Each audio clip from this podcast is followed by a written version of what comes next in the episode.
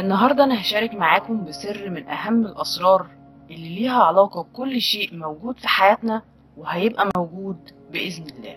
كل شيء في الوجود مبني على مجموعة قوانين.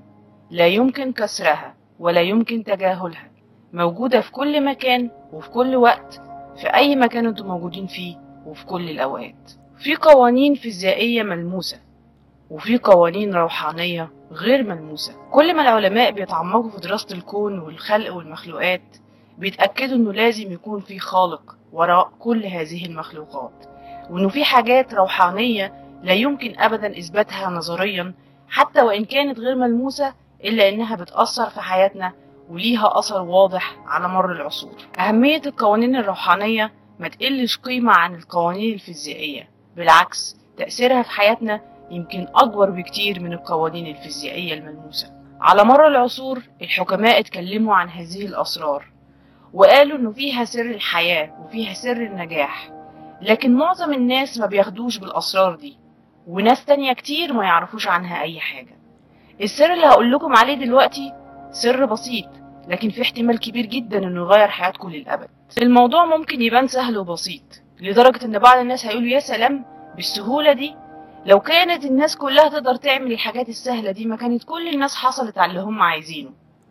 لكن المشكلة الحقيقية إن الإنسان دايما بينجذب للأشياء الصعبة المعقدة وبيتجاهل أي شيء يبان سهل وبسيط حتى لو فيه الحل اللي بيدور عليه من سنين. القانون اللي هشارككم بيه هو قانون الزراعة والحصاد الخاص بالعقل الباطن وعلاقته الوثيقة بقانون الجذب. أي فكرة تزرعوها في العقل الباطن لفترة معينة عاجلا أو آجلا لازم إن شاء الله هتتحقق. زي بالظبط لما بنزرع بذرة بندور على تربة صالحة بنسقيها مية كل يوم وبنعرضها للشمس. وفي اللحظة المناسبة وفي التوقيت المناسب بتطلع الثمار اللي إحنا متوقعينها زي ما إحنا زرعناها بالظبط. العقل هو التربة الصالحة. البذرة هي أفكاركم. المية هي أفعالكم. الشمس هي مشاعركم. لو حطيتوا أي شيء في عقلكم الباطن وابتديتوا تحسوا إن أنتوا بتمتلكوا هذا الشيء بالفعل أو إن الشيء ده حدث في حياتكم بالفعل وابتديتوا تاخدوا خطوات تقربكوا أكتر من هذا الشيء عاجلا أو آجلا بإذن الله لازم الشيء ده يظهر في حياتكم. طب ليه معظم الناس ما بيحصلوش على الحاجات اللي هم عايزينها؟ السر في إن معظم الناس متدربين إن هم يركزوا على الحاجات اللي مش عاوزينها في حياتهم. وده كله بسبب الخوف. الخوف من المستقبل الخوف من الوحدة الخوف من الفقر الخوف من المرض وحاجات تانية كتير. الطاقة بتنساب حيث يكون الانتباه. أي شيء نركز عليه بتبقى طاقتنا كلها متوجهة نحوه سواء إيجابي أو سلبي. كل شيء في الكون عبارة عن طاقة وكل طاقة بتنجذب نحو شبهها. ما ينفعش نبعت للكون طاقة سلبية ونتوقع نتائج إيجابية. ما ينفعش نزرع بطيخ ونتوقع إن إحنا نحصد تفاح ما ينفعش نركز على الفشل وعلى الماضي ونتوقع إن إحنا نحصل على مستقبل ناجح ومشرق. لو فضلت أفكاركم مركزة على الخوف والاحتياج والأشياء الغير مرغوب فيها دي هتكون البذرة وده اللي هتحصدوه في المستقبل. أنت تصبح ما تفكر به. لو مش مقتنعين هوريكم مثال. أوبرا وينفري شخصية مشهورة جدا جدا جدا نشأت في عيلة فقيرة جدا. لدرجة إن أهلها ما كانوش بيقدروا يشتروا لها لعب تلعب بيها. كانوا بيعملوا لها عروسة من القماش القديم أو بيجيبوا لها صرصارين ويحطوهم في برطمان. وكانت جدتها بتشتغل خادمة. لكن أوبرا كانت إنسانة طموحة وكانت عارفة في قلبها دايما إنها هتكون شخصية عظيمة في يوم من الأيام.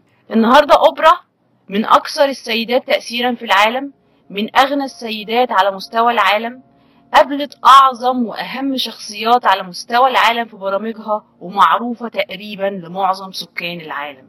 أوبرا وينفري ما اكتفتش إنها تلوم الظروف أو إنها تلوم على الظروف اللي نشأت فيها بالعكس قررت إنها تعمل خير وتساهم في إنها تساعد البنات الفقراء في تعليمهم في إنهم يلاقوا وظائف لما يكبروا في إنهم يلاقوا فلوس يتعلموا بيها أكل وشرب لما تشتكي حاولت تساعد الناس إن هم يعيشوا حياة أفضل من اللي هي عاشتها لما كانت طفلة.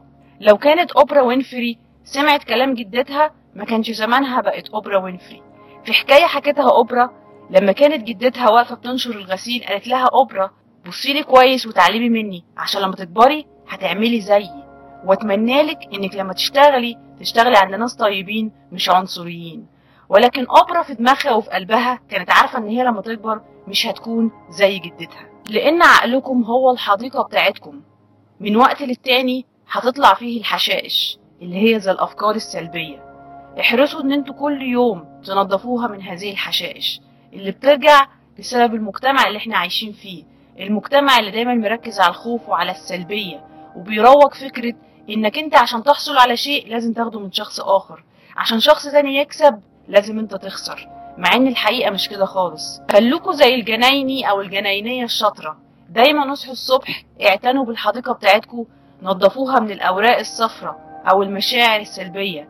ازرعوا الحب ازرعوا العطاء ازرعوا الرضا وإن شاء الله هتحصدوا السعادة. أتمنى إن شاء الله ال audio بتاع النهارده يكون عجبكم وتكونوا استفدتوا منه. لو استفدتوا منه يا ريت تشاركوا بيه مع صحابكم ويا ريت كمان تشتركوا في القناة بتاعتي على يوتيوب وعلى البودكاست بتاعي اسمه The Afra Hamdy Podcast على Anchor وعلى iTunes وطبعا لو عجبكم البودكاست ده يا ريت على iTunes تدوني rating 5 stars وتكتبوا لي review حلو عشان ده هيرفع من معنوياتي جدا. وأكون شاكرة لكم جدا. أشوفكم إن شاء الله أو تسمعوني إن شاء الله في ال audio الجاي. مع السلامة.